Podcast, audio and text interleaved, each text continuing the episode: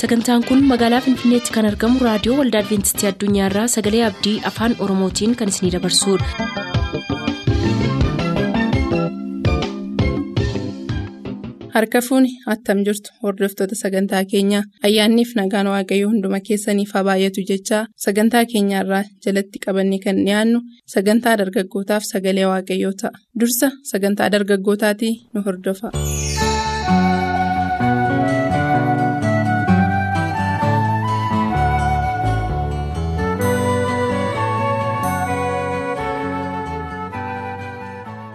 Dhaggeeffattoota keenya waaqayyoon abbaa keenyaa duraan dursineen galateeffannaa yeroo darbee sagantaa keenya keessatti uumamaaf sanbata kan jiru irratti tuqaalee muraasa kaasnee turre amma immoo kutaattaanu keessatti dhugaa gaa'ilaa kan jedhu ilaalla yeroo darbee dhugaa uumamaaf sanbataa kan jiru irratti dhimma uumamaatiin wal qabatee sanbanni waaqayyoo maal akka fakkaatu sanbata eenyu akka hundeessee fi sanbanni amma yoomitti akka jaalbanne turre kana keessattis kan nu ilaalle. Sanbanni waaqayyoo bara baraan jiraataa akka ta'e seerri waaqayyoo seera hin jijjiiramne seera bara akka ta'e ilaallee dabarreerra qabxiilee kaan sana keessatti sanbanni gaa'ellii fi kurnaffaan kennaa waaqayyoo gooftaan jannatiin keessatti ilmaan namaatiif kenne ta'uusaa ilaallee dabarre kutaa lammaffaa irraa keessatti immoo dhugaa gaa'ilaa macaafni qulqulluun akkamittiin ibsa kan jedhu walii wajjin ilaalla dubbisa gabaabaa kana fuuldura tuutti seeniin. Mataa keenya qabannee bakka jiru hundumaatti waaqayyoon hin galateeffanna. jaallatamaadhaaf amanama abbaa keenyaa yeroo kana dhugumaa waan nuti dubbattu qabdaa kanaaf abbaa keenyaa garaa qullaan dhiyaannee dubbii akka fudhannuuf nutti dubbadhu jalqaba keenyaaf xumura keenya nuuf ta'e dubbii dhageenyaan akka jijjiiramnuuf gargaarsa abbummaa kee waaqan nuuf baay'atu jalqaba keenyaaf xumura keenya nuuf ta'e kan hundumaas kennaa yoo jaala keetii maqaa yesuusiin ameen. dhugaa gaa'ilaa. Gaa'elli kennaa waaqayyoo ilmaan namaatiif jannatin keessatti kenne keessaa isa tokkodha yeroo darbee yeroo waa'ee sanbataa irratti dudubbachaa turre waa'ee gaa'ilaaf kurnaffaa kaafneerra haa ta'u malee waa'ee gaa'ilaa amma tokko kaafnee turre. Amma garuu gadi fageenyaan ilaaluu yaalla. Akkuma gararraatti kaafame gaa'elli kennaa waaqayyoo ilmaan namootaaf kenne. Warra gurguddoo keessaa isa tokkodha kunis akka jaala waaqayyootti ilmaan namootaa wal horanii akka baay'ataniif sanyii namootaa baay'isuuf waaqayyo jalqabaa kan kennedha waaqayyo jalqabaaf gaa'ela yeroo hundeesse addaamiif waan gidduutti hundeesse. Addaamiin uumee raawwatee yeroo taa'ee ilaalu namni kophaa ta'uun gaarii miti jedhe. Kanaafis gargaartuu uumuufii barbaade. Waaqayyos. Ofii isaatii taa'ee yaadee addaamitti hirriba jabaa isaa buusee lafee cinaacha isaa keessaa tokko fuudhee dubartii tolchee gara isaatti geesse uumama boqonnaan lama lakkoofsa 21 amma 24tti sagaleen waaqayyoo akkas jedha waaqayyo gooftaan namichi rafee akka of wallaalu godhee otuu namichi rafuu lafee cinaacha isaa keessaa tokko fuudhee iddoo isaatti foon hin guute. Waaqayyo gooftaan lafee cinaachaa isa namicha keessaa fuudhee sanarraa dubartii tolchee addaamitti geesse. Namichis amma reefuu ta'e isheen kun lafeen ishee lafee koo keessaa. Foon ishees foon koo irraa fuudhame. Isheen kun namatti waan argamteef namee jedhamtee waamamtu jedhe. Kanaafis dhiirri abbaa isaaf haadha isaan niisa haadha manaa isaattis maxxana. Isaan lachanuus. Foon tokkon ta'uu jedha. Sagalee kanas kan nuyi dubbifannu maalummaa gaa'ilaa hubachuudhaaf gaa'ila eenyu akka hundeessee fi barbaachisummaa gaa'ilaa hubachuudhaaf. Kana hubannees immoo qajeelfama jireenyaa akka nuuf ta'uuf dubbifanna sagalee kana calqabas kan kenne waaqayyoodha. Kan dubbates waaqayyoodha. Akka ximitiyoos isa lammaffaa boqonnaa sadii lakkoofsaa kudha jaaf torba irratti agarrutti. Caaffanni qulqullaan hundinuu geggeessaa hafuura waaqayyootiin barreeffaman. Isaan kunis namoota qajeeltootti leenjisuudhaaf adabuudhaaf hubachiisuudhaaf qajeelchuudhaaf kennaman. Kanaaf iyyuu barreeffama kanarraa waa tokko barra. Akka seenaa armaan oliirraa hubannutti waaqayyo kan inni gaa'ela uumeef inni jalqabaa qofummaa hambisuudhaaf. Sababni isaa addaam yeroo uumame qofaa ture. Bineensota hundumaa waamee maqaa isaaniis moggaasee. Maqaas kenneefi simbirrootaafis ta'e warreen birootiif. Ofii isaatii garuu addaam qofa waan tureef waaqayyo gooftaan qofummaa addaamiin hambisuudhaaf nama isaaf uumuudhaaf fala qopheesse. Kunis karoora waaqayyooti. Waaqayyo addaamiin jalqaba biyyoo lafaa irraa kutee uumee addaam qofaasaa ture. Qofummaa kana hambisuuf waaqayyo fala qopheesse. Addaamittis irriba jabaa buusee qaama isaa keessaa haadha manaasaa tolche yeroo waaqayyo dubartii tolchee gara isaatti geesse addaamitti gammachuu guddaatu dhaga'ame. Gammachuu isaa kanas akkas jechuudhaan ibse. Amma reefuu ta'e isheen kun lafeen ishee lafee koo keessaa foon ishees foon koorraa fuudhame jedhe. Isheen kun namatti waan argamteef nama haa jedhamtu jedhe. Kanarratti kan nuyi hubannu ulaa kanarratti keessatti dhugaan caafame kan nu hubachiisu gochaan waaqayyoo addaamiif godhe gocha gammachaa ta'uu isaati arra'oo gaa'elli gammachuudha kanaafu waaqayyo gaa'ela gammachuu dhala namaatiif uume gaa'elli gammachuudha gaa'elli ulfina. Gaa'elli eebbadha. Waaqayyo ilmaan namootaa eebbisuudhaaf ilmaan namootaaf ulfina kennuudhaaf gaa'ela dhaabe. Waaqayyo gaa'ela eebbaaf ulfinaaf ilmaan namootaaf kenne. Garuu har'a biyyi lafaa akkamitti hiikkachaa jira. Si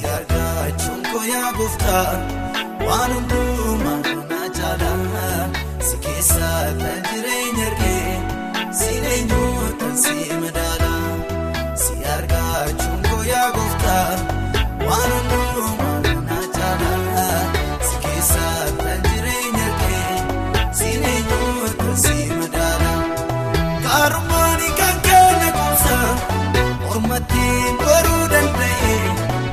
Kamiitaan si daagaddaa si too'adda naanna'ee.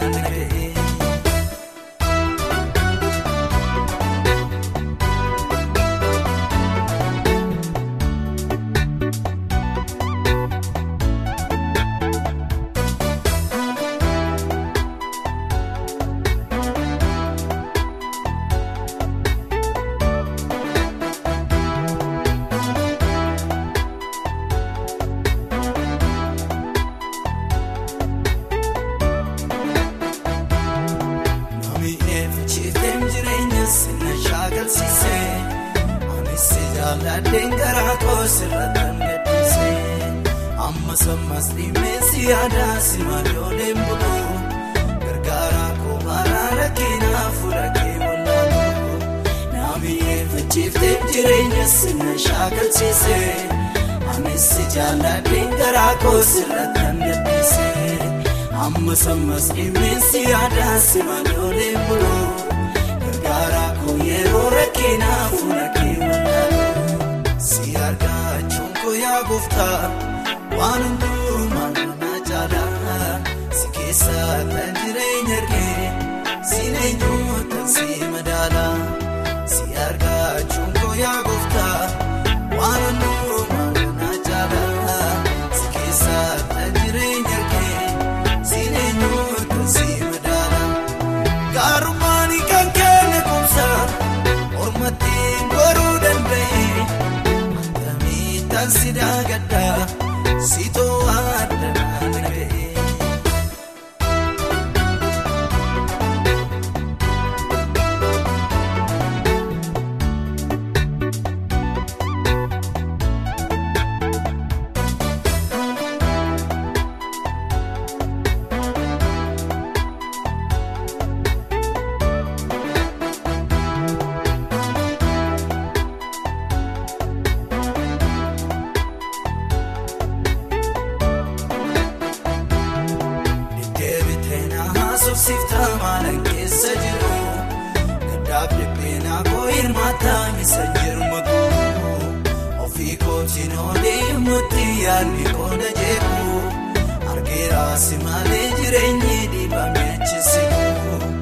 deddeebiteen haasofsiiftaa maalan keessa jiru gaddaaf dhibbeenaa koo hirmaataa isa jirma guutuu.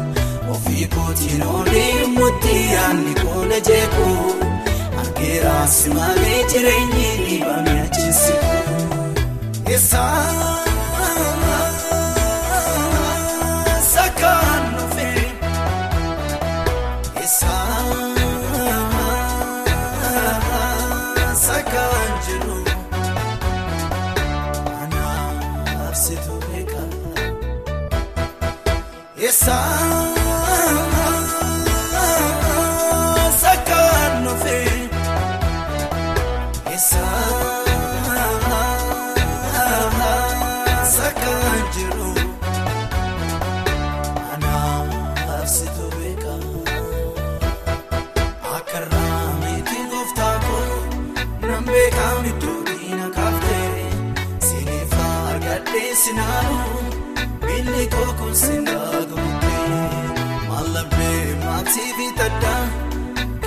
Gatii jabeessan qabu amman beekumsi hojjedhaa kan kee kaanaan hin goolabu akka raamiitiin gooftaa koo nan beekaam iddoo diina kaaftee siifaa argadhee sinaaluu miilli kookuun sindaa gurguree mallabbee maatii fi taddaa.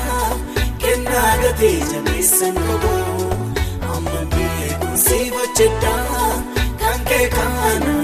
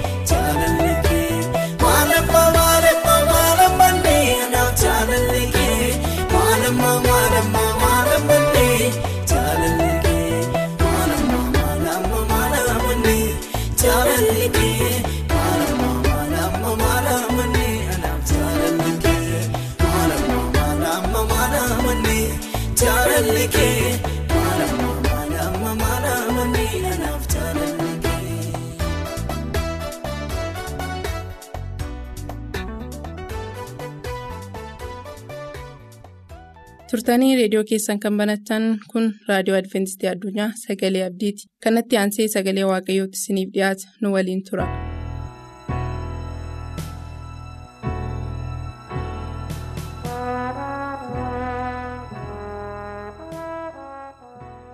kabajamoota dhaggeeffattoota keenyaa sagalee waaqayyo dhaggeeffataa kan jirtan hundumti keessan attam jirtu waaqayyoon guddaa galateeffanna waaqayyo hamma guyyaa irraatti nu eegee yoowwan waan nu ga'eef guyyaa irratti sagalee waaqayyoo walii wajjin utuu hin hirmaatiin fuuldura waaqayyo tokko tokko keenyaaf hubannaa akka kennuufi hin kadhanna.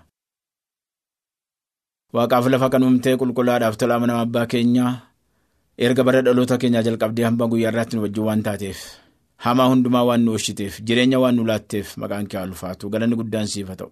Ammas nu wajjin ta'e nu gidduutti argamtee hafuura keessa qulqulluu sanaan yaa waaqayyo sagalee kee isa waaqarraa isa dhugaa sanatti dubbachuun jaalala kee haa ta'u nus hubannee ittiin jiraachuu akka dandeenyu nu gargaari ayyaana kee nuuf baay'isi maqaa gooftaa yesuusin si kadhannaa nuuf dhaga'i ameen.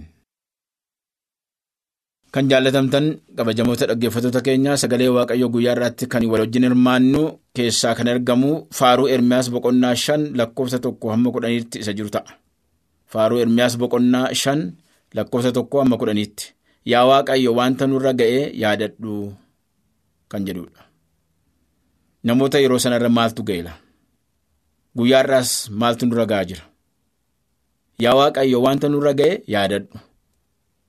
Waaqayyo yeroo hundumaa wanta saba isaarra ga'e hin irraanfatu. Otoo nu illee hammama akka nuyi rakkataa jirru hammama akka nuyi dhiphataa jirru rakkina keenya utuu nu hin argin waaqayyo duraan dursee nu fuuldura arguu danda'a. Sabi Israa'el yommuu Gibxiin turanii isaan utuu isaanii rakkataa jiranii dhiphataa jiranii harka garbummaatti qabamanii baay'isanii eessatti baana eenyu kana keessaa nu baasa jedhanii utuu illee hin dubbatin. Waaqayyoo waaqarra taa'ee isaan erge. Kanaaf garbicha isaa Musee ergama waameetu isa erge. Dhaqii saba koo achi baasii Waaqayyoo wanta nurra ga'u beeka. Waaqayyoo dhiphina keenya beeka. Waaqayyoo rakkina keenya beeka. Sodaa keenyas beeka. Kan inni wallaale tokko illee hin jiru. Eenyullee isa gorsuu hin danda'u, eenyullee isatti dubbachuu hin danda'u. Waaqayyo hunduma isaa beeka. Garaa lafaa keessa, garaa dhagaa keessas beeka. Kanaaf yaa waaqayyo wanta nurra ga'e yaadadhu jedhanii yommuu dubbatanii ilaalii isa darbe sana ilaalii isa nurra ga'e sana ilaalii cunqurfamuu keenya ilaalii gaddeebii keenya ilaalii dhabuu keenya ilaalii qullaa keenya ilaalii beela keenya ilaalii eebochuu keenya ilaalii Kana tokko tokkoon waamanii fuula waaqayyoo duratti waaqayyoon kun akka taanee turre akka taanee turre akka taanee turre jechuu hin barbaachisu waaqayyoo hundumaa kan danda'u hundumaa kan ilaalu waan ta'eef tokkollee isa jala darbuu hin danda'u. Kunoo yeellaasifamuu keenyas ilaali. Dhalli keenya kan ormaa ta'e manneen keenyas halagaatu fudhate nuyi ijoollee hiyyeeyyii abbaan irra hin jirre taane haati keenyas haadha hiyyeessaa ta'ani. Bishaan horiidhaan bitanne. Horiidhaan bitannee dhugne qoraanis horii malee hin argannu. Warra nu ari'an faana keenya irra bu'anii nu qaqqabu. Nu dadhabneerra. Isaan garuu boqonnaa nuuf hin laanne. Buddeena quufuudhaaf jennee warra Gibxiif warra Asooritti of kennineerra. Jedha sagaleen waaqayyo. Rakkina isaanirra isaanirra ga'ee rakkina ciccimaa kanatu fuula waaqayyootti dubbatu. Garuu waaqayyo kanaan duraan durseeyyuu beeka. Yeroo sanas waaqayyo. Kan ta'aa ture beeka yommuu isaan kana dubbatanis immoo beeka. Isaaf haaraa miti. Guyyaarraas rakkina keenya beeka waaqayyo. Kaleessa waan maal keessa akka turre dheengadda maal keessa akka turre waggoota darban hundumaa maal keessa akka turre ji'a darban hundumaa maal keessa akka turre ammas maal keessa akka jirru gara fuulduraatti immoo kan nu eeggataa jiru beeka waaqayyo. Kanaaf wanta nurra ga'ee yaadadhu wanta nurra ga'ee ilaali wanta nurra ga'ee hubadhu jedhaniitu. Rakkina isaaniitti qabamanii wanta jiraniif baay'ee wanta cunqurfame baay'ee wanta rakkataniifitu kana fuula waaqa duratti dhiyeeffataa jiru. Nus har'a wanta nu rakkisu tokko waaqayyoo fuulduratti dhiyeeffachuudhaaf waaqayyo wajjin yeroo hundumaa wal arguu nu barbaachisa. Walitti hiiquu nu barbaachisa. Hammam yoo rakkanneeyyuu nama rakkina kana keessaa nu baasuuf jedhu biyya lafaa kana irratti yoo yaadne kanaan dura guyyuma tokkollee walii wajjin wal arginee walii wajjin hin haasofne yoo ta'e. Rakkinuma kootiif jedhee naqaa isa hin beeku inni nan beeku jenneetu sodaanna. Inni nuyyuu otuu waan fedhe ta'e yoo xinnoo nu beeka ta'e yoo walii wajjin yeroo dabarsineerra ta'e isa akkasii kana itti dubbanneetu amma immoo rakkina akkasiitu na qubname rakkina akkasii na argate kanaaf kanatti na gargaaruu maaluu hin dandeessaa jennee haasofna. Bira dhanna akkasuma immoo waaqayyoon yoo walii wajjin walii gallee hin jiru ta'e ijoollee isaa jedhamnee hin waamnu yoo ta'e. Gara isaatti inni yoo ta'e tuffannee dhiibne yeroo ta'e waaqayyo nama tuffatu garuu namoonni immoo waaqayyoon hin tuffatu hin dhiisu hin baqaturra yeroo akkasii kana isa bira dhaquu hin dandeenyu. Abboonni keenya warri durii cubbuu hojjetaniiru har'a garuu hin jiran nu garuu amma iddoo isaanii adabamaa jirra. Garboonni isaanii duratti hin mo'anii namni isaan jiran baasu garuu hin jiru. Abboonni keenya cubbuu hojjetanii darbanii isaan garuu har'a hin jiranii nu iddoo isaaniitti dabarreetu rakkataa jirra. Iddoo isaanii buune adabamaa jirra. Kanaaf rakkina keenya cubbuu keenya nuuf dhiifte rakkina keenya immoo nu ilaaluun jaalala kee haa ta'uudha. Gara keenya millachuun gara keenya ilaaluun nu eebbisuun rakkina keessaa nu baasuun nu dhaabuun warra gammachuun nu gochuun jaalala kee haa ta'uudha. Waaqayyooti mataa jiru. Waaqayyo immoo warra akkasitti dhufeetti dhiyaatee himatu yeroo hundumaa nama gargaaruudhaaf gara booddeetti hin deebi'u. Hin jaallata jaalala isaati. Warra mana isaa keessa jiraatanii rakkina malee jiraatanii dhiiseetu rakkinaanii. Qabamanii gara booddeetti deebi'anii yeroo gara isaatti deebi'anii waaqayyo isaaniin baay'isee irra ilaala. Lafa onaa keessa warri nama ajjeesan waan jiraniif nu buddeena keenya illee lubbuu keenya gannee arganne jedha. Kan nama balleessanii kan nama ajjeesanii waan achi jiraniif nu buddeena keenya illee lubbuu keenya gannee arganne sodaa guddaadhaan arganne sodaa guddaadhaan jiraataa jirra. Buddeenuma isa nyaannee illee itti beela oobsuu dandeenyu argachuudhaaf baay'ee cimaadha. Yaa waaqayyo ati nu ilaali yaa waaqayyo ati nu malladhu yaa waaqayyo ati nutti deebi'i. Fuula kee nuuf deebisi gara keenyatti nu deebi'i. Mee nu ilaali. Beelarraan kan ka'e gogaan dhanna keenyaallee guggubate akka gimmi abiddaa taane beelarraan kan ka'e dheebuurraan kan ka'e qullaa ta'uurraan kan ka'e rakkinarraan kan ka'e dhabuurraan kan ka'e baay'ee rakkanneerraa gimmi abiddaa taaneerraa sodaanneerraa yaa waaqayyo gara keenya ilaali yaa waaqayyo rakkina kana keessaa nu baasi. Fuula kee duratti yaa waaqayyo yeroo hundumaa gammachuun jiraachuu akka dandeenyu nu gargaari jedhanii waaqayyotti bo'u waaqayyo immoo himmaan namaa akka namarraa haqu hin dubbata. Yaa Israa'el yaa Israa'el ani waaqayyo gooftaan kee isa baricha sanaa karaarraa si geggeesse ture dhiisuu keetiin kana hundumaa ofitti fidde mitiire raajii kudha torba. Raajii Ermiyaas lama kudha torbarraa yaa Israa'el ani waaqayyo gooftaa keeti. Isa baricha sana karaarra si geggeessee ture. Isa yeroo sana si wajjin ture. Isa yeroo sana si sooraa ture. Isa yeroo sana si uwwisaa ture. Isa yeroo sana si fayyisaa ture. Kana hundumaa ofitti fidde mitiire rakkina gararraa kanatti dubbifame hunduma isaa. Ofitti fiduun kee narraa fagaachuu keeti. Na dhiisuu keeti. Gorsa koo tuffachuu keeti jedha sagaleen waaqayyo. Waaqayyoon malee jiraachuu hin dandeenyu. Waaqayyoon malee jiraachuu hin dandeenyu. Waaqayyo jiraataadha nuunis nu jiraachisa. Jiraataa kan ta'e bara baraan nuunis bara baraan nu jiraachisuu danda'a. Isa duwwaatu danda'a. Sababii balleessaa keetiif hin adabamta. Ana waaqayyootti deebi'uu keetiifis hin ifatamta. Ana waaqayyootti deebi'uu keetiifis hin ifatamta. Yeroo waaqayyo irraa deebinee deemnu ifatama guddaan nurra ga'a. Sodaa guddaan nurra ga'a. Adaba guddaan nurra ga'a. Kun ani waaqayyo gooftaa keeti sodaachuu dhiiftee anatti deebi'uun kee wanta hamaa dhiphinas akkasitti fiduu beeki. Ana waaqayyootti deebi'uun kee dhiphina guddaa sitti fidaa, sodaa guddaa sitti fidaa, ari'atamuu guddaa sitti fidaa, beela guddaa sitti fidaa kana beeki. Garuu waaqayyootti dhiyaachuun immoo eebba guddaa sii fidaa, gammachuu guddaa sii fidaa, waan gaarii hojjechuu dandeessa. Garaagarummaa guddaa kanaa beeki. Bira ga'i. Kanaaf akkasitti toluuf akka gammachuu argattuuf gammachuun kee immoo bara baraan akka ta'uuf waaqayyoon barbaadi. Fuula kee waaqayyootti deeffadhu. Adeemmi keessa isaa wajjin godhadhu jedha sagaleen waaqayyo. Ani waaqayyo gooftaan kee gooftaan maccaa kana dubbadheera. Ani gooftaan waaqayyo gooftaan maccaa kana dubbadheera. Kana sitti meera. Kana si gorseera. Fuwaadhu. Kam akkasii wayyuu fuwaadhu. Waaqayyo yeroo hundumaa waan lamaa wal bira qabee nu barsiisa. Yoo anatti qabamtanii jiraattanii biyya lafaa kanattis rakkina hin argattan jireenya bara baraa immoo hin argattu. Waaqayyo wajjin jiraachuu dhiiftan garuu yoo isatti dhiiquu dhiiftan yoo isa baqattan garuu qorumsa bara baraatu hin argata. Badiisa bara baraatu hin argata. Hin baddu. Jireenya hin qabdani. Gaddi keessanii isinirra baay'ata. Imimmaan keessan dhangalaaftu. Kan isin furus hin jiru jedha sagaleen waaqayyo.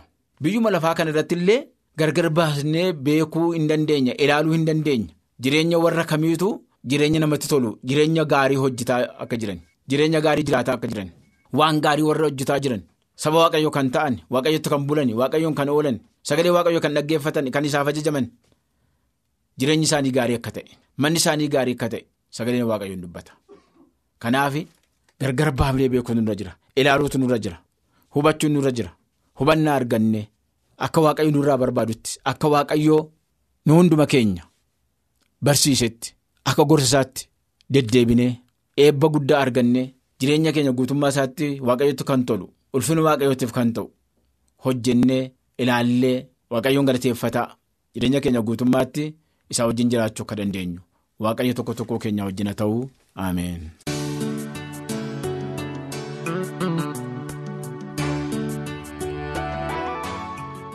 Sagantaa keenyatti eebbifamaa akka turtan abdachaa kanarraaf jenne raawwanneerra.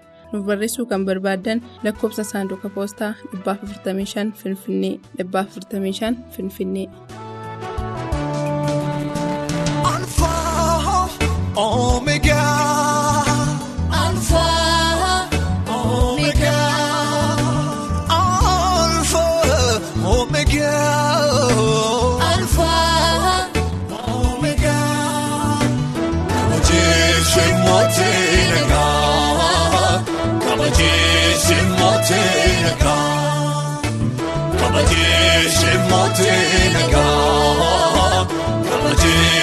Mootii nagaa. El Shaddai, El Shaddai, El Shaddai, El Shaddai, El Shaddai, El Shaddai, El Shaddai, Ojaronda, Marken Kamoda, Olkolo, Oteguda,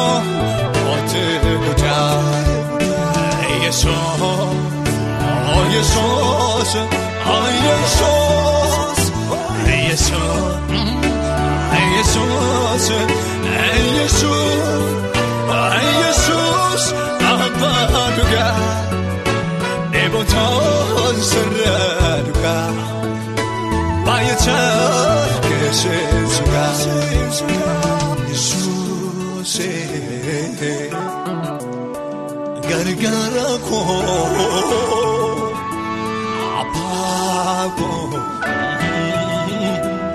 Masaraja baako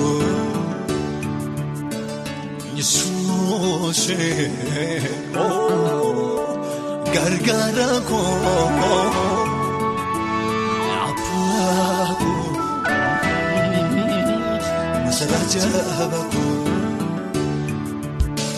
Ani Maariyaa diina. kun siina loole eessanaatti ulfaate seenaa loole sichi fagaadhaan loole sibiqaa baadheen seenoof galee sichi fagaadhaan